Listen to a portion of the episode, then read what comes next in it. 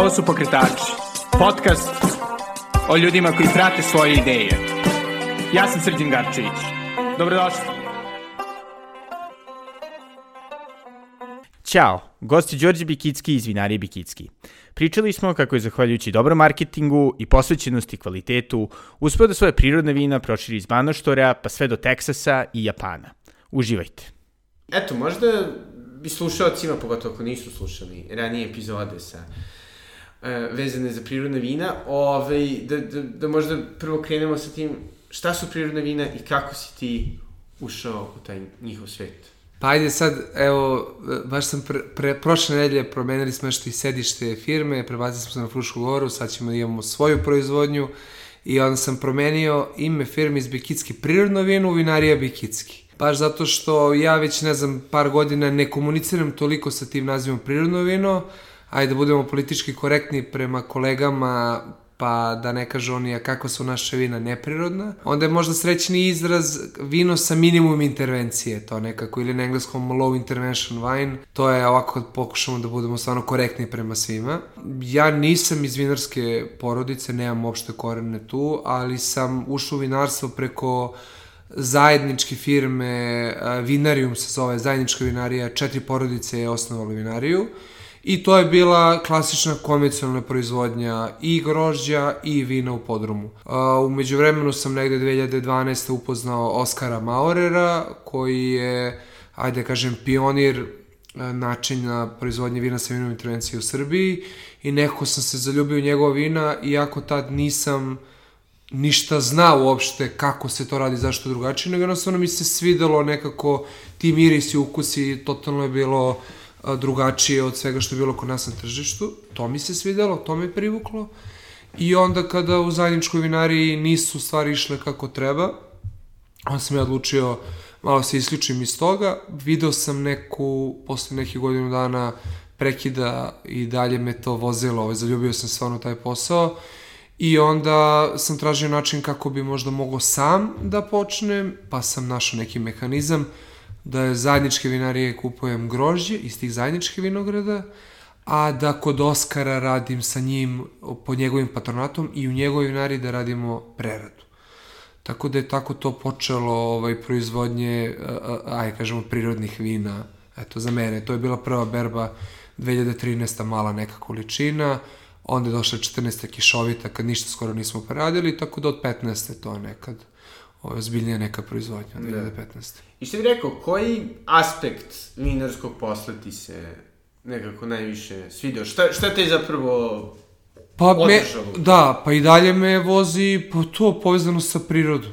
To me najviše vozi da ti a, a, razmišljaš o vinarstvu isključivo o grožđu, kako će ti bude grožđe, kad ćeš da obereš grožđe, a, ranije, kasnije, a, kako ćeš to grožđe posle da tretiraš u smislu držiš sa pokožicom u kojim tankovima, kako ćeš da ga presuješ, a, što je stvarno je sve povezano isključivo za sirovinu i mi stalno pričamo isključivo o grožđu i kako ćemo, šta ćemo da radimo kasnije sa tim grožđem, pošto kod ovaj prirodnih vina mi ne koristimo nikakve enološka sredstva, Što su za nas... Pa, ajde da krenemo prvo od, od tih selekcionisanih kvasaca. Znači, kod nas mi donesemo grožđe u vinariju, da li ga izmuljamo, ispresujemo, to nije bitno, i ono sad spontano kreće da fermentiše, kao i svo voće, tako da prerađuje šećer u alkohol.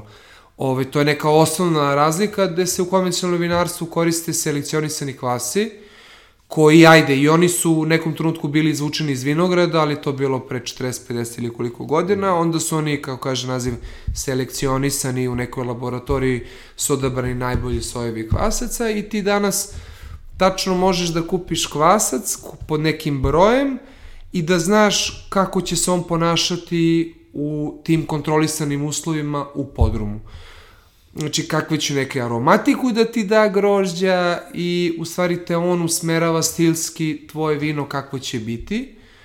A kod nas apsolutno je to skroz drugačije, pošto grožđe samo fermentiše, u stvari ti ono daje baš pečat odakle je došlo grožđe od tvog vinograda, to jest celog tog tvog teroara, to jest podneblja odakle dolazi grožđe. Znači nema tih dodatih kvasaca, to je za početak, to je da. osnovna razlika, a zatim Nažalost, može jedno 200 sredstava da se dodaje u proizvodnji vina od šećera, kiselina, u, u, oduzimanja, dodavanja kiselina, boja, bistrenja vina, bolje da ljudi ni ne znaju šta se da. može. Nažalost, za razliku od drugih prehrambenih proizvoda, to ne piše što onako u svetu prirodnog vinarstva mi stalno dajemo komentar da bi to trebalo da se navodi svi aditivi u vinu na etiketi, ali se nigde ne navodi zbog raznih lobija, interesa itd. Aha.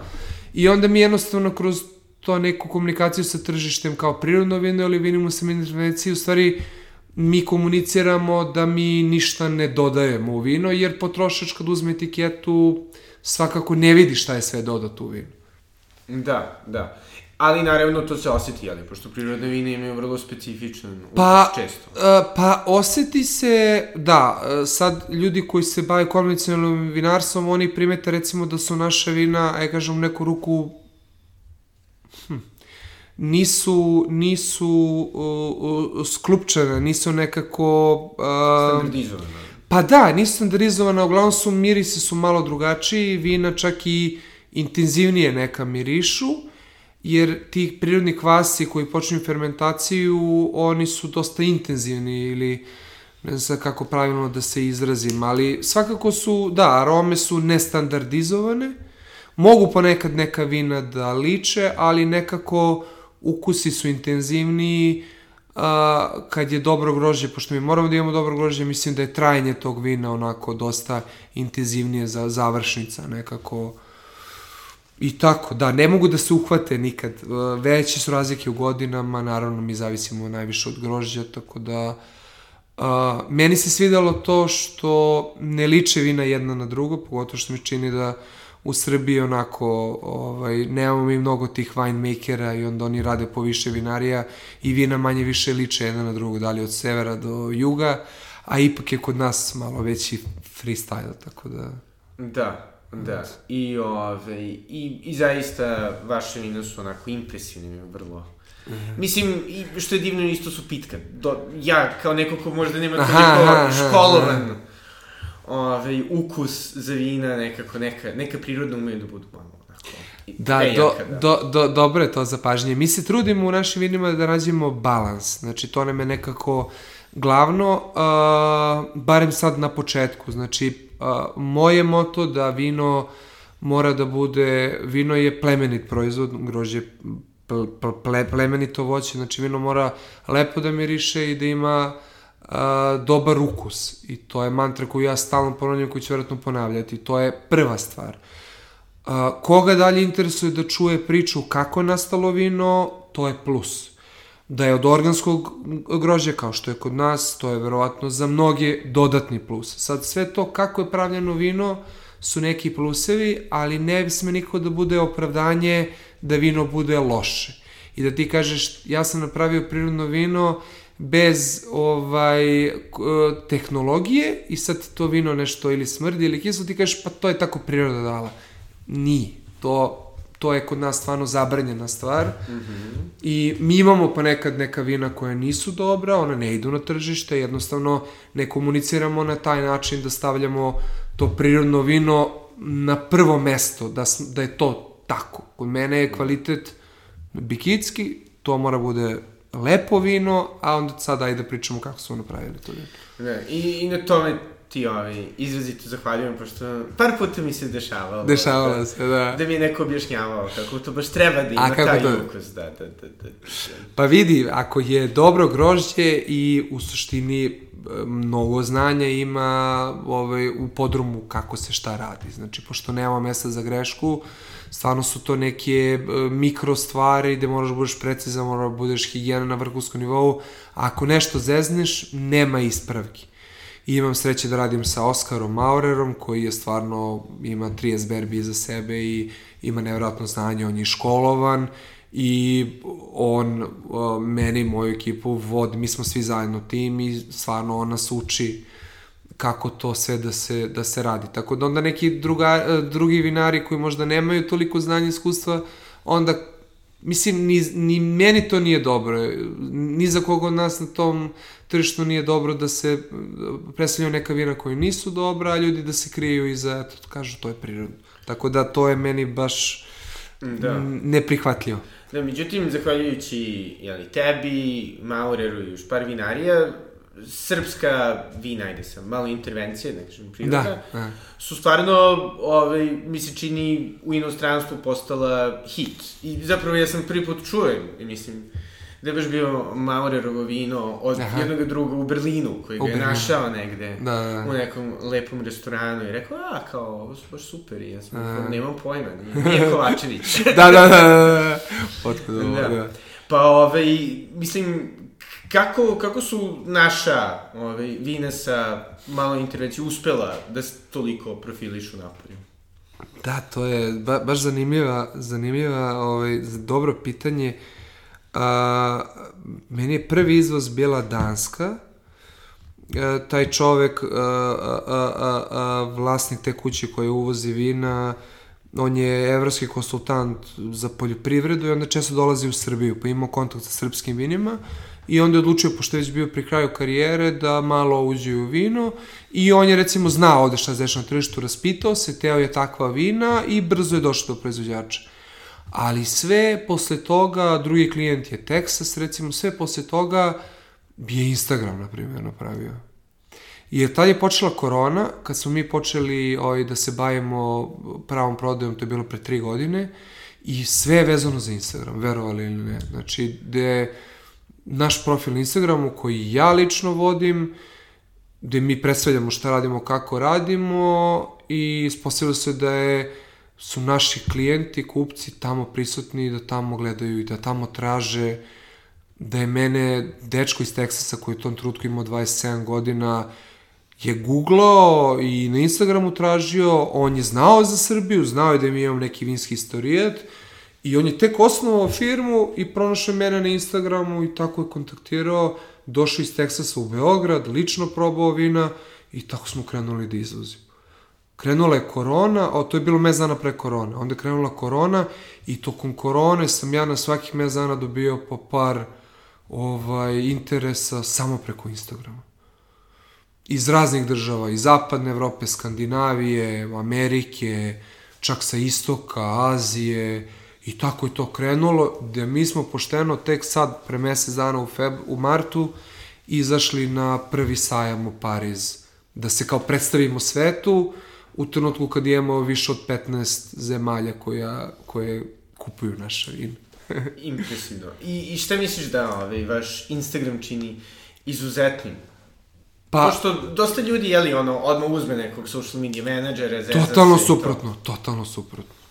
I to, mene, ne znam, ljudi su, mi smo bili nagradu kao najbolji marketing u Srbiji. Sad ljudi mene tapšu kao, da, da, vi imate najbolji marketing. A ja onda malo se izneriram posle, i to ispadne kao da sad sam unamio neku marketinšku agenciju, pa sad kao najbolji marketing. A u stvari danas, šta je danas dobar marketing? Kad radiš sam svoje, ti stojiš iza toga. Pa ti predstavljaš to, ti živiš neko taj život, ti predstavljaš sebe. Ja kažem, ali ja dajem sebe tu. Pritom, ko pogleda moje objave su jedna, dve rečenice. Znaš, ja kući imam tri deteta, psa, imam dva posla, sad ja nemam vremena da nešto smišljam tu, kako će to, pa da fotografišem. Ja odem u restoran, predstavljam vina, i pričam sa ljudima, imam vremena da kliknem jednu, dve fotografije, znači nije fotografija savršena, objava je minimalna neka i onda ljudi kažu ti imaš najbolji marketing. Samo zato što nekako razmišljam to što radim i iskreno predstavljam, predstavljam ono što radim. Onda sve vreme na vreme postoje neka druga vina od nekih prijatelja, neku drugu klopu, nešto što... Ja kažem, pa čoveče, ti kuće piješ samo tvoje vine, u kafani piješ samo tvoje vine. Piješ druga vina, pa što ih ne okačiš na svoju stranicu? I onda vada ljudima se to sviđa, a ja ovaj kažem, sharing is, is caring, znaš, zato služe socijalne medije. I mislim da uopšte nije dobro da stalno guraš svima svoj proizvod, kao ovo je najbolje, znaš, evo ti moje, moje, moje, moje, onda će ljudi do dosadi, a onda ljudi kad je malo raznovrsno pa vide jednu drugu objavu, pa ti pohvališ nekog drugog, kažeš probajte ljudi ova vina, mislim, to je cela pojenta. I onda mi kažu posle najbolji marketing. Ok, ja imam, imam dobrog dizajnera, to mi je ovaj drug, imamo ovaj, dobre etikete, to isto uh, upada u oči i znači poprilično zna, znači. Onda imam uh, Kiku koje mi radi te neke objave kada radimo kao neki grafički dizajn vezano kao idite na shop, kupite ovo vino, pa smo snimali neke filmiće, ali to je sve ta neka interna ekipa kreativaca, više se radi o posvećenosti nekoj, nego se radi kao sad imamo financije, pa mi to radimo strateški sa nekim kompanijama, daleko bilo.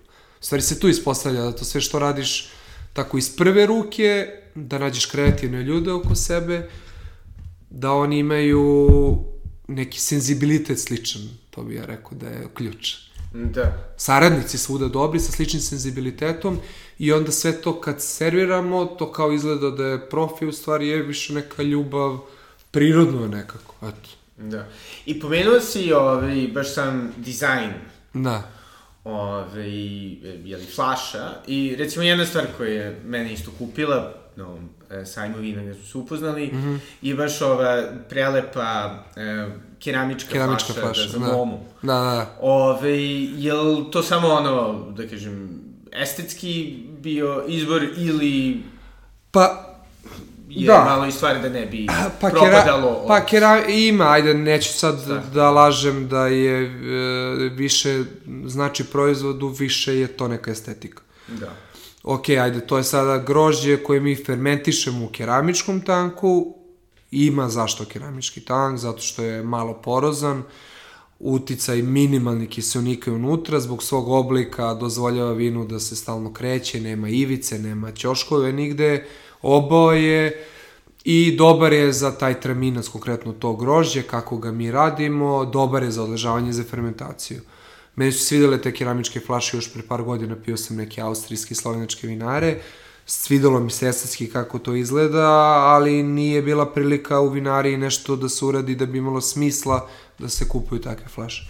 Onda kad se podudarala proizvodnja da nam trebaju takvi tankovi, kad smo uzeli takve tankove, onda se nekako logično svo, svela i potreba ovaj, za takve flaše. Pošto sam imao kontakt, moji prijatelji proizvode džin Young Salt ovde u Beogradu. Koji su bili isto u podcastu? Bili su, pa da. Onda sam ja od Uroša ovaj, dobio kontakt za flaše, pa sam dobio kontakt za štampu na flaši keramičkoj i tako je to nekako opet stihijski krenulo i to je način i naš dodatni da se ovaj, i, i, ovaj, i dizajnerski malo izrazimo.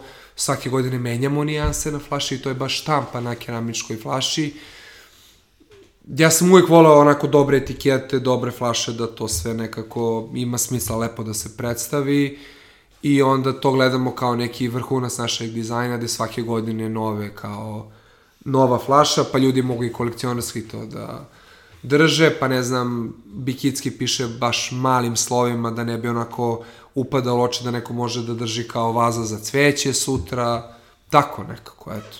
Da, sjajno. A recimo, ceo, ceo taj pristup, mislim, onako, zvuči kao da bi ono neki ljudi ono unajmili ono cele armije konsultanata da, Da. da im objasne, da im pričaju te kao user journey, la la la. Da. I je li to ono samo tvoja ideja ili Uh, pa da, ili mislim, pratiš dosta drugih pa onda kao dobiješ Pa neki- pratim, da, ima ono, mislim, kogod glupo zvučalo na Instagramu, ono, pratim vinarije iz našeg segmenta, vodeće, Da.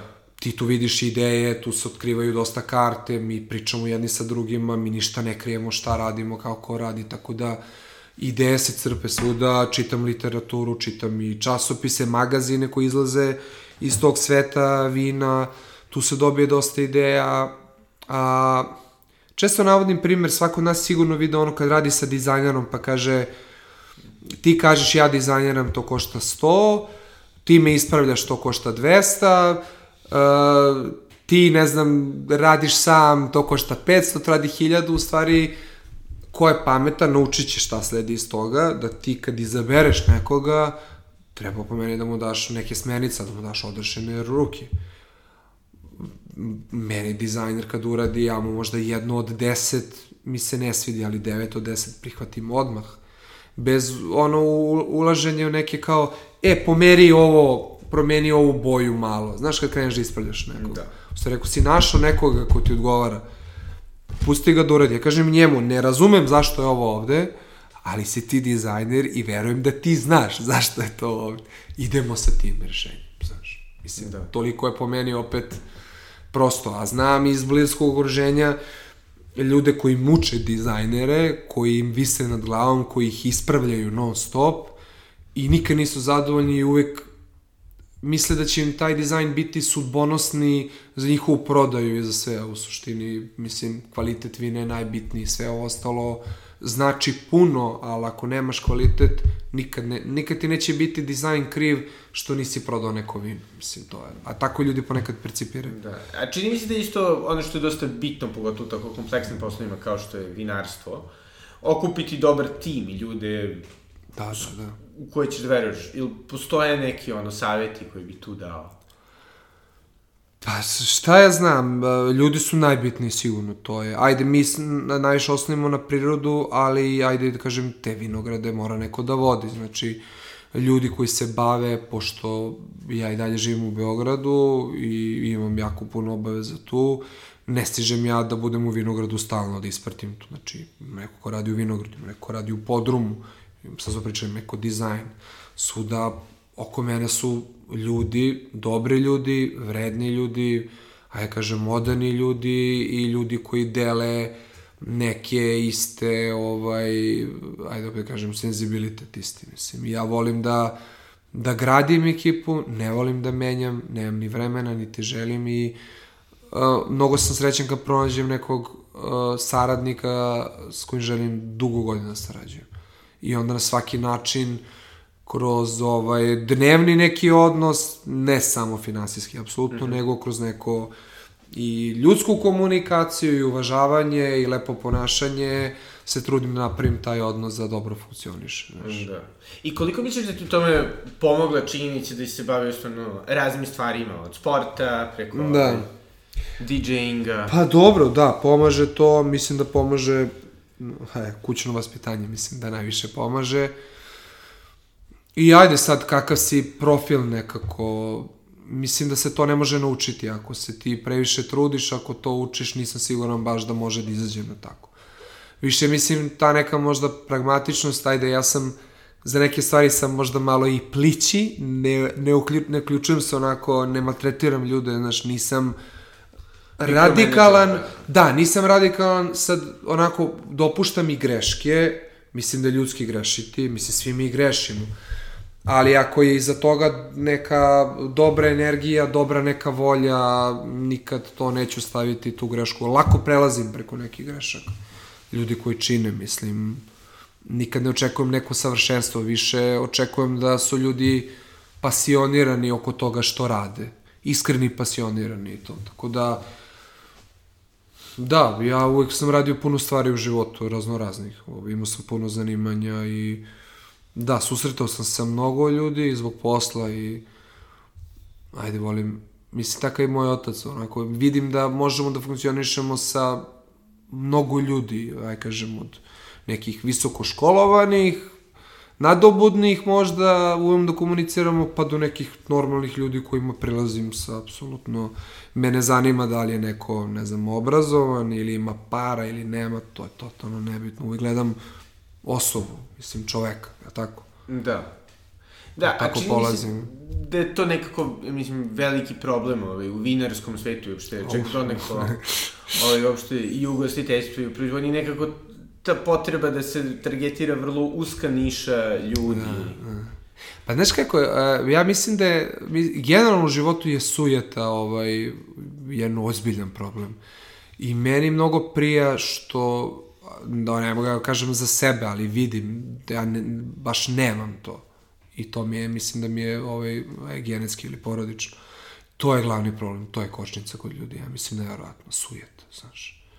To je jedna gro, grozna osobina i to je ozbiljna kočnica, znaš, ako nemaš sujetu, pogotovo ajde u vinarskom, znaš, dosta dolaze ljudi kao, e, sve mi iskreno ti kažem, ja im kažem, da, nikako drugačije, znaš, stvarno mi interesuje da čujem komentar.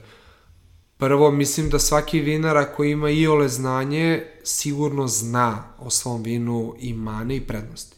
Ako neće da čuje da neko drugi primeti njegove mane, To je stvarno veliki problem. Jer onda se, se lažemo. A lažemo se samo kad smo ti i ja uživo, znaš, a sutra ćeš ti negde da odeš sa nekim s kim možeš da budeš otvoren i onda ćeš pričati sve to što si mogli meni da kažeš. Znaš, meni, ja znam da mi ponekad imamo neka vina gde jedan od sto će primetiti neku manu koju ja znam.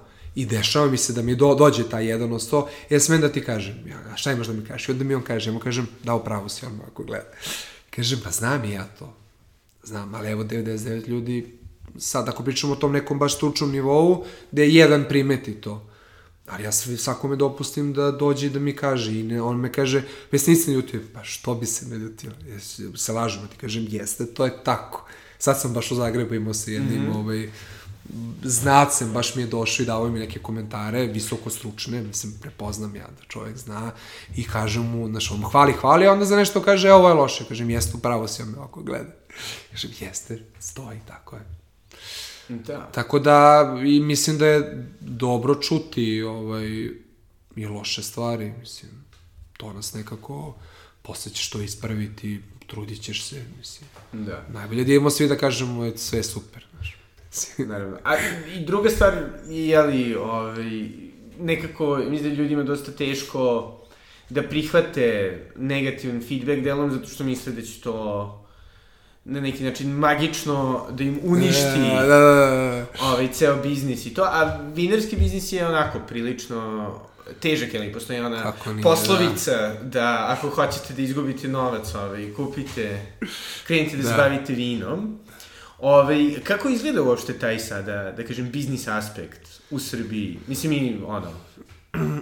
Pa hajde, ja imam, imam sreću da imam primarni posao, da ne zavisim od ovog i onda da mogu tako neke odluke i radikalne da donosim da ne trpi kvalitet aj, u, u, u, u većoj meri, da ne trpi, naravno. Da smo se tako, ja mislim, dobro i pozicionirali ovaj, na, na, na svetskom tržištu. I, do, ono, još bolje izreka je kako je Vinar postao milioner, tako što je bio milijarder, da. Tako da, e, e, pa kad pričam sa ljudima sa strane koji ovaj, bi razmišljaju da se bave vinarstvom, uglavnom im kažem da postoji barem 100 boljih biznisa ako žele da zarade pare. Ako zbog toga razmišljaju da uđu u novi biznis, kažem sigurno ima 100 boljih biznisa. Ovo je posao za drugu generaciju, za treću generaciju, znači posao da prvih 10 godina sigurno nema zarade, nešto nema zarade, nego ako nešto krene po zlu, to je onda sve najgore. Zato što prvo imaš vinograde koji svake godine donose neko grožđe. Onda sad ti napraviš to vino, onda odležavaš vino u podrumu. Onda da bi ispraznio taj podrum treba kupiš flaše, čepove, sve što ide. Znači ti si sve vreme ulagao, ulagao. E onda ti krene prodaj. Onda sad uložiš u prodaju. Ako ne krene prodaja, ti možda nemaš para kupiš te flaše. Ako nemaš para kupiš te flaše, tebi vina stoje u tankovima u podrumu. Ako ti stoje vino tako i prodaju, ti novo grožđe koji ti dođe sledeće godine ne možeš da obereš, nemaš gde da staviš. Znači ti si u makaz. I to, zato ja stalno ponavljam da je zato ovaj, ovaj posao e, rizičan i težak, jer ti prvo treba vreme taj neki točak da zavrtiš, puno vremena treba. I ako ga ne zavrtiš dovoljno brzo, te domine dosta krenu da se ruše i onda sve ruši jedno drugo. I onda čim uđeš ti u taj neki problem da nešto ne ide kako treba, onda krenuo se pravi neki kompromisi raznorazni, a kad kreneš praviš kompromise, to je smrt. I zato svi ljudi treba da, koji ulaze, treba stvarno onako da razmisle hiljadu puta, da naprave neki plan i rezervni plan i da ću imati rezervne pare ako treba da se uloži još jer uvek treba da se uloži još i opet se vraćamo na tu poslovicu koja je ono hiljadu puta ispravna da, da je baš mnogo lakše potrošiti pare nego zaraditi. Da zarađuju, ajde kod nas ovi prvi koji su počeli da se baviti privatnim vinarstvom dok još nije bilo tržišta, koji su zagospodarili ovaj naši najveći, oni su sigurno dobri, ali svi koji su posle njih ušli, mislim ja znam to sa terena, nije lako. Čak i ovi koji deluju da su privatni, a veliki, uh, pitanje je koliko se tu zarađuje. Stvarno je, stvarno je pitanje. Nije da. uopšte sad tako. Da, a što tako se tiče, da kažem, strane ovaj, kupaca, jel ti se čini da nekako u Srbiji se stvorilo ipak tržište koje i vrednuje, mislim, Vaše vina su uh, onako premium što se tiče oh, cene. To ti je dobro pitanje, pa tu sam baš nekako malo i razočaran, mora ti kažem, znaš. Prvo, teška su vremena, ajde, korona, ova Ukrajina, sve to, sve je poskupelo, i Horeka gleda jedno da preživi, mislim da niko tu ne zarađuje para koliko bi teo da radi, tu se pravi kompromisi non stop, sve se to prenosi i na vinare, na vina. Znači, vina u ponudi, redko koji lokali to vrednuju, iskreno da kažem. Redko koji lokali žele da stanu iza nekih vina da ponude gostu nešto posebno, nešto oni znaju da je dobro, više se svodi na, na klasičnu biznis priču gde najviše zarađujemo. Naravno. To ću da guram, znaš, rabati, te stvari, promocije i sada mi koji smo mali, koji ne radimo na taj način, nama je to više neka strast, više se borimo za kvalitet nego što se borimo za tu prodaju, nekako nam prodaja, ja mislim da to treba dođe sama, da ne treba da budemo navalentni, ali gomila je navalentna i sad ja neću se borim. Sva sreća imamo taj izvoz, pa je, kažem, skoro sam ja od domaćeg tržišta odustao. 10% mi prodamo ovde i totalno, evo od ove godine idem svima ovako pričam, ma ne, ne, baš te, teško je ovde. Svaka čast ko uspe da se izbori, dolaze novinarije, država dosta ulaže, dosta subvencioniše, onda ljudi tu vide da je dobra prilika, pa hoće, pa se prave vina da se pozicioniraju ovde na tržištu. A mi smo malo tržište. Znači, često navodim primjere, evo sad spremamo Japan, izvezli smo Južnu Koreju, Meksiko, po ko zna geografiju, zna da su to tri zemlje preko 100 miliona stanovnika. Mi smo ovde 7 miliona stanovnika. Koja je prosječna plata ovde? Evo mi puno radimo u Hrvatskoj. Ja kad odem u Hrvatsku, kad vidim koliko je edukovano to tržište, samo zato što su njihove plate tako duplo veće, mm -hmm. ipak vina su im slične su cene kao i ovde, tako, uvozna vina, sve to isto. Pa da. Znači, tamo prosječnom čoveku iz srednjeg staleža, da kažemo, ostane duplo više para nego našem čoveku, je tako? Da, koji... čak zapravo i više, zato što postoje bazični troškovi i onda sve preko zapravo je duplo, da, više od I sad da, njemu, da, da, da. da, i sad njemu ostane više para i on sad kaže, e, ajde sad malo ja da uživam u životu, ajde sad malo da se edukujem o vinu, o hrani, ajde da idem u lepe restorane, ajde da pijem lepa vina, a kod nas je ipak to i dalje mnogo prizemnije, nažalost. Da, a pritom dobro, tamo i turizam ipak Mnogo znači, da, da, da. da. Turizam, to je ne, neki drugi segment, ali više pričamo ovde o našem tržištu. Ano, najbanalnije kažem, da, da, da. znaš kako kažem najbanalnije? Pa ko ne bi volao da pije skupa vina? Šta kao? Sad će ti da kažeš nekome kao, e, ti si glup, kao ti nemaš ukus, kao šta ti znaš šta je skupo vino? Pa daleko bilo, mislim. Umeju ljudi da prepoznaju, samo treba imati, samo, samo, da. treba imati para da se kupe malo skuplja vina. Mislim, što naše tržište ne može da isprati a ima puno i uvoznih vina, gde ajde opet je to druga strana priče gde uvoznici mnogo više zarađuju na uvoznim vinima nego distributeri da prodaju domaća vina i samim time su oni više stimulisani da prodaju ta uvozna vina, više zarađuju, mislim, pare, pare, pare, Naravno. pare. A, ove, ali, dobro, trenutno, jeli, često slušamo raznim pokušajima da se naše vina plasiraju širom uh, sveta, Open Balkan, yes. i oni veliki uh, događaju u Beogradu, sada je u Italiji, baš danas. Bravo, da. Ove, mislim, koliko zapravo država ili da kažem neke, možda i vinarske organizacije zapravo se trude da nas profilišu u inostranstvu ili... Pa krenulo je, pre dve, tri godine je to krenulo baš ambiciozno, a pogotovo u zadnjih godinu dana sa Open Balkanom, sa tim sajmom koje se dogodilo, i ne samo sa time, I mi kad smo ulazili u vinarstvo, eh, od počeši 2005. su dosta dobre bile te subvencije za sadnju vinograda. Mm -hmm. I mi kad smo sadili vinograde, mi smo faktički 10. 11. 12. zajedničko firmo, pa pazi, mogu skoro 90% vinograda da zasadiš na osnovu subvencije, što je neverovatno. Tad su bile tolike čak subvencije. To znači da ti sad kupiš zemlju od svojih para i zasadiš vinograde i onda apliciraš dobiješ pare posle godinu, godinu i po, dve godine. Ali sad kad se okrenem, kad pogledam, da, 90% zasada je, ajde, ko mi veruje, na legalan način, stvarno su bili, da. dobre su bile subvencije. To je bilo tada, znači oko 2010. A sada kroz udruženje vinara i vinogradara, kroz nacionalno udruženje, koja okuplja regionalno udruženja, tako je sad to podeljeno. Opet postoji strategija razvoja vinarstva, sad ne znam, zaboravio sam tačno koja je, recimo 2021.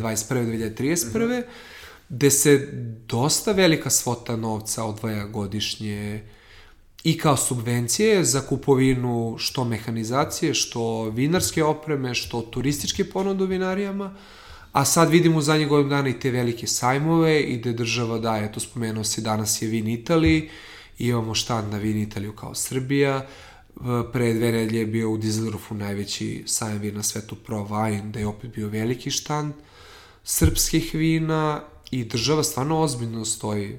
Pa možemo videti i predsednika kako je po svim tim manifestacijama, on je ljubitelj vina i ovaj i ajde, neću da budem treba to treba to pohvaliti. Da. To da. treba pohvaliti. A dobro, a ovaj, a mislim, a, a postoji ono kao, i, i, i cijela ideja da se mi profilišemo... Da, da. Kao, pa tu, uf, tu postoji, ja kad pričam sa ljudima koji, ajde, nisu iz sveta našeg prirodnog vina, gde su granice mnogo a, manje i ljudi su otvoreni i stvarno znaju čak i u Srbiji, sada mi se pojavljamo, znaju. Da. A u svetu konvencionalnih vina, velikih vinarija, mi ne postojimo faktički. Slovenija je tu nešto kao malo se pojavila, čak Hrvatska tek onako glava je polako i, i vidio je se, a mi se ne vidimo, mi smo ispod stola, apsolutno. I to je neverovatna količina šta nas čeka, energije, para, promovisanja, da nas iko percipira kao zemlja u kojoj se proizvode vino jer je to vinsko svetsko tržište neverovatno veliko. Ja malo, malo pa čujem komentare da su tu karte već podeljene faktički i to je jako teško ući. Da. Sad, bori se država, sad mi imamo opet sreću da smo mi ta niša, prirodno vino, i tu, kažem ti, nema granica i tu oće Amerikanci da probaju vino u Srbiji. Oni samo traže kvalitet, čak i traže egzotiku neku. Oni ne traže ono francusko vino, nego kao, ajde se istoka nešto da probamo, daju šanse svemu, pogotovo ako je malo niža cena, tu apsolutno dobije šansu. E sad tu ako pokažeš neki kvalitet, nema, nema problema uopšte. Da.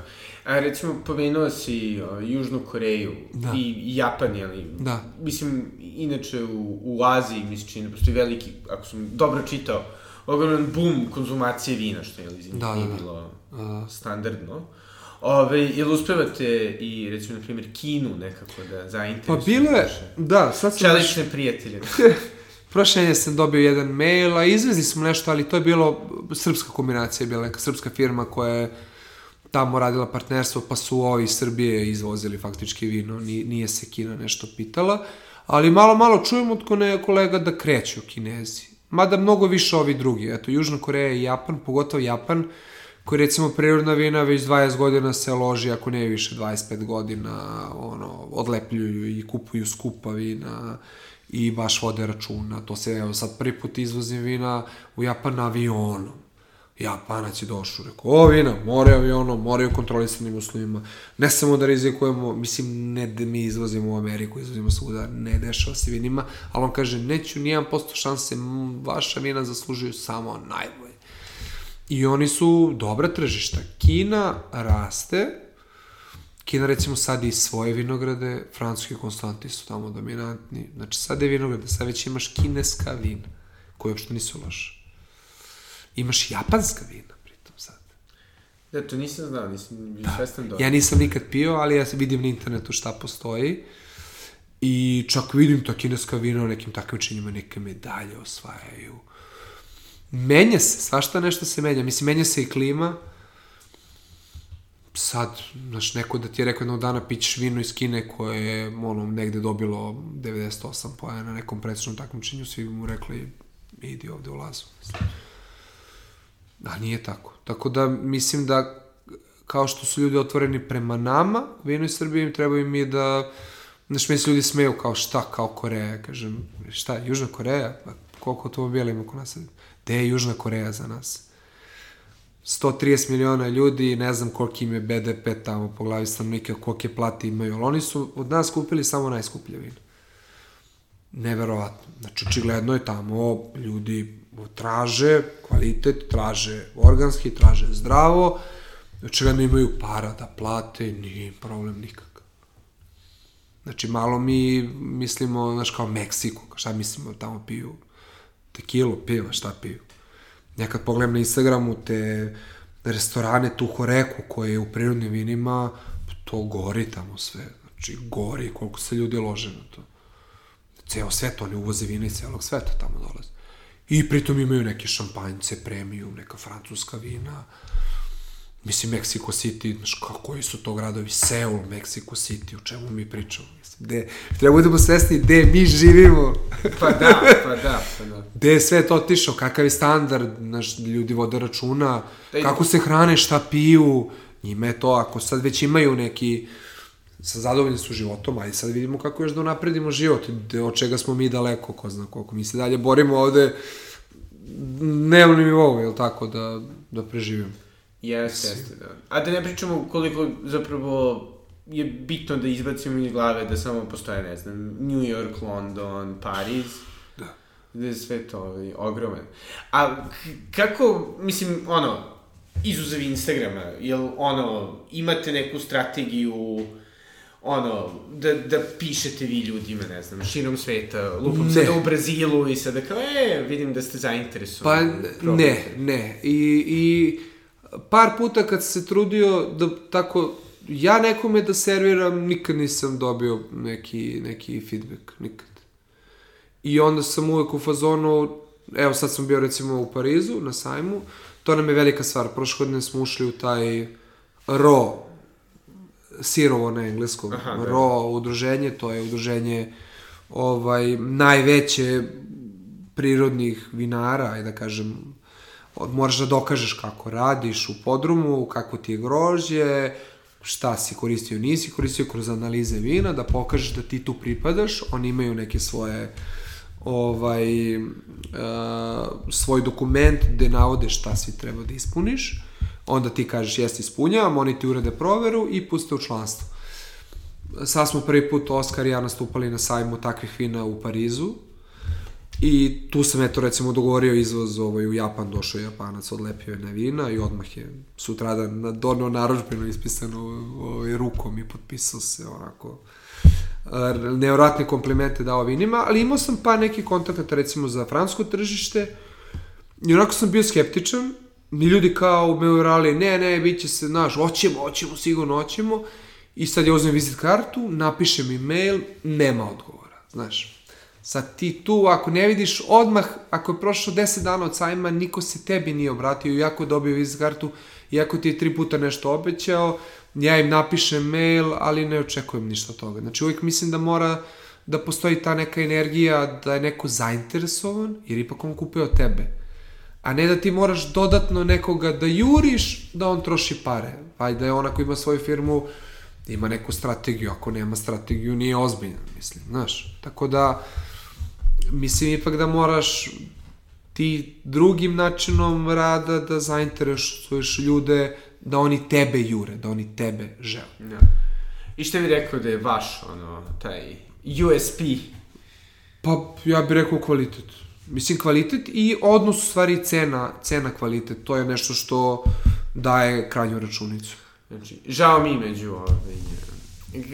Da, da, vinima. Ja, pa da, mislim da pošto se aj prodajemo na najvećem svetskom tržištu kao što je Amerika, gde se prodaju ovaj, skoro sva vina, svi su u Americi i ja mislim tamo kad se izboriš za mesto, da je to, da je to prava stvar. Znači, koliko izvezeš cenu u Ameriku, to ti je nešto što ti je relevantno. I sad, ajde, nekako mislim da smo mi malo možda spustili cenu zato što smo nepoznati, zato što nam je trebala šansa i onda smo malo možda nastupili sa malo, opet sam ja zadovoljan s tim cenama, možda su malo niže cene nego što vina zaslužuju, ali ćemo i to malo godinama sigurno da, da ide na gore. Hvala Bogu na inflaciji. Šal. Da, da, da, da, užas, da. Hvala Bogu na inflaciji, da, i stalno svi poskupljuju, ja ću vjerojatno sledeće godine ćemo prvi put malo dignemo cene, posle 6-7 godina sve je poskupelo, ali opet, E, trenutno mi je fokus i dalje da pravimo svake godine malo, malo više vina, jer imamo dosta naših vinograda, gde imamo potencijal uvek da se širimo, nego da nešto zalepimo sa cenama, da prodaja pati. Uvijek mi je bitno, ono što sam pričao na početku, da se sve proda, da bude podrum prazan, da se prave nova vina, da mi nekako organski malo po malo rastemo, a kad se pozicioniramo svuda po svetu, e onda malo redukuješ cene i već kad neka vina što smo mi sad u poziciji da nemamo po par meseci, onda kažeš sledeći put, pa evo, možemo malo, moglo skuplje da košta 5%, ajde 5% da vidimo da li ćemo opet prodati sve. Mislim, to je nekako tržište, mislim da je jedini parametar da ti određuje cenu. Ako ti slušaš tržište, ako si rasprodat, onda možeš da dižeš. Malo je sumonato da izađeš u startu sa nekim jakim cenama, pa da ne možeš da prodaš vino. Pa za... Da, i evo sada smo se dotakli budućnosti, rekla si ali da konačno imate vinariju. Da, da.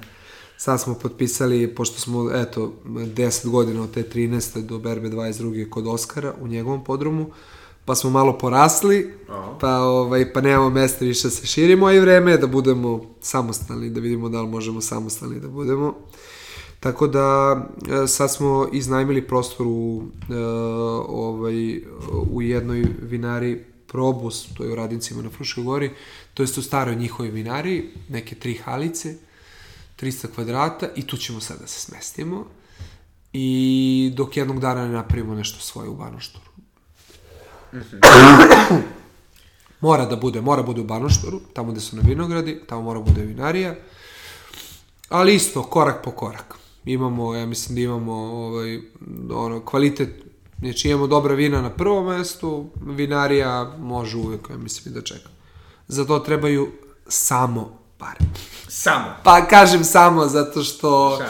Da, da, da, zato što za kvalitet vina naš ne mogu pare da ti sigurno naprave sa ti imaš kao puno para i sad kaže evo ja želim dobro vino.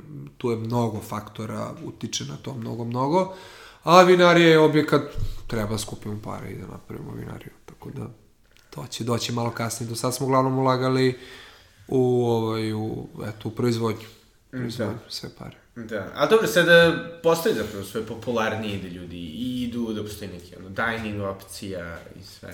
Da, kaskamo mi tu neverovatno, što je normalno, koliko privatno vinarstvo ko postoji kod nas, aj kažemo, neću kaže 22 godine, objektivno 10-12 godina. Ja bih uzao 2010. da je to počelo malo ozbiljnije, veći broj vinarija.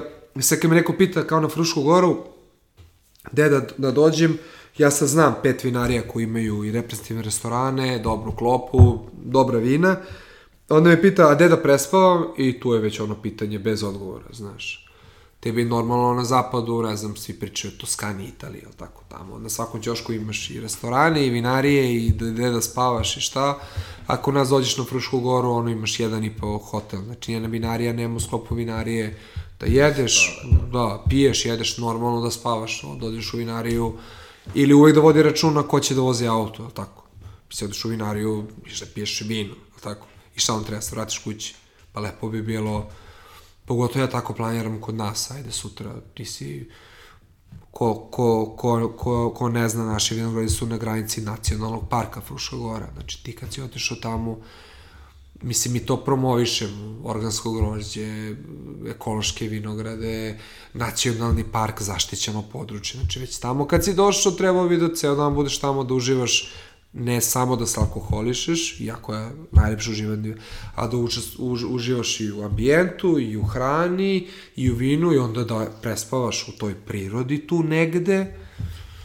Tako da, Dobro, Srbija je tu u povoju, ali ja sam siguran da već za pet godina ćemo pričati drugu priču. Da, ja se nadam. Ali, ali sada, ovaj, za ljude koji, eto, dolazi lepše vreme, mada tako, tako da, da, da, izgleda. Da, da, da.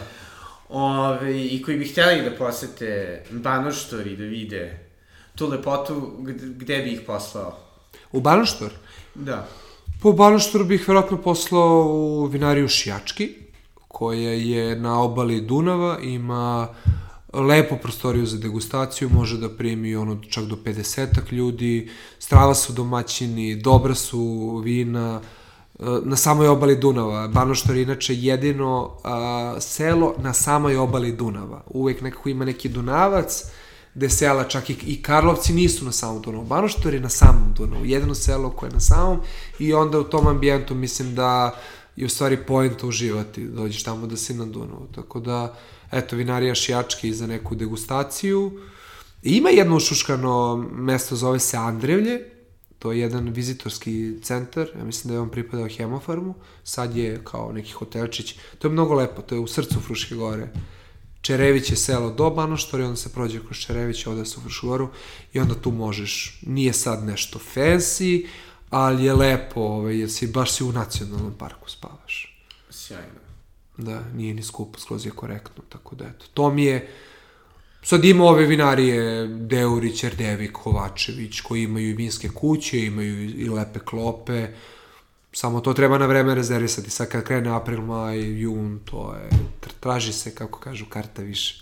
pa da, da, a tu su jeli ovi i, i lučki podrumi preko grane. Pa jeste i lučki podrumi, samo sad je to malo ozbiljnija priča, to je već onako, neću kažem industrija, ali je velika vinarija i treba preći granicu da sa Hrvatskom. Da, dobro, oni su imali tako skoro i požar, ne? Pa bilo je, jest, bilo je tamo, ali oni su profi, ima, ima salon Trminca tamo se održava i to bude, bude baš spektakularno, bude lepo. Ali bit će to, nadam se, nadam se, sad znam Erdevik da je kupio neke kućice, male, one portable, i da će moći, ja mislim sad već od ove godine može kod njih malo i da se spava, pa to je najlepše, da odeš tako negde u prirodu. Da, sjajno. I ovi, evo sada kako se približujemo kraju, e, gde, gde će ljudi moći da probaju vaša sjajna vina? Uskoro. Pa, aha, misliš na sajem, tako pa nešto? da, da. Pa ne znam kad će biti. Malo nešto, ovo što sam pričao na početku, malo tržište nekako... Više nam je fokus sada na te sajmove u inostranstvu. Znači, evo sad znam... naša dijaspora, eto. Da dijaspora. Pa ima, bit će taj ro u Kopenhagenu, ne znam, neki jun, 6. 10. tako nešto, neka subota. Pa će onda biti u Njujorku, pa će biti u Berlinu, krajem godine. Njujork je, ja mislim, neki novembar, Berlin je decembar. Kod nas, aj sad kreće nešto, taj period sajmova, ali ne vidim ja nešto kod nas. Možda neki wine jam u Falkensteineru tamo, to je neki početak jula, ja mislim, jun, jul, tako nešto. Ali uglavnom ovako neke gerilske varijante. Imaćemo promociju vina u organskom podrumu. To je ovde. Ovde u kraju. Ovde u kraju, da, da li je 22. Palmotić. april. Palmotić je od 22. april, mislim da je neki četvrtak, tako. Objavit ćemo to. Tu će biti uglavnom tako neke možda intimnije malo promocije nego neki veći sajmovi. Ovaj, sad više gledam kroz, eto, tako neke gerilske akcije da pravimo, da se predstavimo, nego da izlažemo nekom sajmu u moru nekih drugih vinarija da se ovaj da se gura. Gde ljudi poput mene, ovaj samo dolaze, mislim, ako se našljosali za 2000 dinara. Dobro, nije ni malo, šta? Pa nije, da, da. Znaš koliko je recimo ulaznica bila u Parizu na sajmu? 45 eur. Dobro. I to ti dođe onda samo ljudi iz horeka sektora koji baš interesuju da, da rade sa vinom. Ili kupuju vina kao restoran, ili su distributeri, ili su uvoznici. Tako su recimo u inostranstvu. Tako recimo u Hrvatskoj isto dođe horeka, a ovde kod nas uglavnom dolaze ljudi da se provedu. Da, da, da, da, da. I sad vinarijava koje tako, koje su malo komercijalnije veće, je to okej, okay, a nama manje mi bi ipak voljeli možda kad smo već pojavimo neki posao da napravimo, ne samo ljudi, ok, ne samo, stiče se tu neki utisak, eto, probaju ljudi za vole, ali... Dođe se na podcast ovako biti. Ne, pa kako ovo, znači, eto, isplati se, sad se već naravno, isplatio. Naravno, naravno. I da. dobro, kontam da, da, da ćeš naravno da kažeš ove, i sva su mi vina kao deca, ne mogu da kažem, jedno koje mi je draže, manje drago, ali jel postoji jedno koje bi svima ovaj, savjetovao da probaju, koje je baš... E, to, to je bolje pitanje mnogo. Pa dobro, ja bih uvijek postavio pod pitanje kako vino volite, kao na sajmu, pa bi na osnovu toga napravio neku selekciju. Ali kad bi bilo univerzalno, pa da, volao bi da, da, da promrdam ljude i da probaju, pošto mi radimo ta oranž vina, ko ne zna, to su vina od, ajde najkraće, od belog rožja po tehnologiji crvenih vina napravljeno. je se belo vino dobija tako što se belo grožđe samo ocedi, a crveno se dobija tako što ono odležava sa pokožicom, znači izmulja se, ne ocedi se. E sad mi radimo od belog grožđa, tako da belo grožđe ležava sa pokožicom i kasno se bere to grožđe kad se pravi za takva vina, tako da se u tim vinima oseti onako sva slast, pun potencijal tog grožđa i onda se to zove oranž vino i tako da mi radimo više oranž vina, naš uncensored je naš flagship, kako kažu na lepom srpskom, ove naše vinarije. To je oranž vino od Traminca i osvajalo je do sad lepe nagrade i dosta pojena na raznim nekim takmičenjima i eto, to je. Oranž vino bi preporučio svima I sa da čim se probaju. najlepše konzumira? Velika lepota oranž vina jeste što, za razliku od belih, pije se na malo višoj temperaturi i prati tamo da ulazi belo vino i tamo da ulazi crveno. Znači, evo sad sam imao Svi. neke... Da, imao sam sad Hrvata koji, eto, poslao na Instagramu, kaže, pio sam tvoj oranž sa T-bone steakom. I to mi recimo jedan sumilijer ovde mi isto je uparivao. Znači imaš sad T-bone, gde svi misle da neko crveno vino, a u stvari ti piše oranž vino. Tako da, pa ne bi ja nikad pravio to. Čak sam i u, i u predstavljanjima vina pre, pre, prestao da pišem ta uparivanja. Mislim da je to lično, lični afinitet, lični ukusi i da je malo, ok, možda daš ljudima ideju, ali ja bi uvijek pustio čoveka da sam pronađe šta mu ide u šta. A siguran sam da oranž vina su baš e, raznovrsna za uparivanje, da dobro prate od do. Sve i svašta. Da, sve i svašta. Super. I evo, za kraj, jel postoji i još nešto što bi preporučio ljudima koji žele da se ubace u, u divni svet organskih vina. Eto, možda imaju neki ovaj, vinograd koji su nasledili, hoće da se igraju. Da. Pa, čekaj, sad pričamo za konzumaciju vina? i- Ne, ne, ne, ne, mislio sam za biznis, eto. A za biznis? Da. Ako s, s, slučajno vam je došao ovaj vinograd, Slučajno je došao vinograd. Pa dobro, to, to nismo polemisali. Ja sam imao veliku sreću da mi bez nekog prethodnog znanja završimo u tom selu uh, Banoštor, koje su ispostavilo da je, ja bih rekao malo možda i subjektivno, ali verovatno već smo sad, šta smo već uradili objektivno, jedan od tri najbolja teroara u Srbiji, znači jedan od tri najbolja položaja da imaš vinograd to je čista sreća bila. Znači nije bila neka analiza gde bismo radili, šta bismo radili, nego ja sad to kroz vreme, kroz naš rad, otkrivam da najveće zasluge kvalitetu imaju to selo, ta mikrolokacija gde su naši vinogradi. Tako da, teško bi mogao nekome da kažem pre nego što znam gde je. Jer mislim da je položaj vinograda najbitnija stvar za proizvodnju vina. Gde ti je vinograd?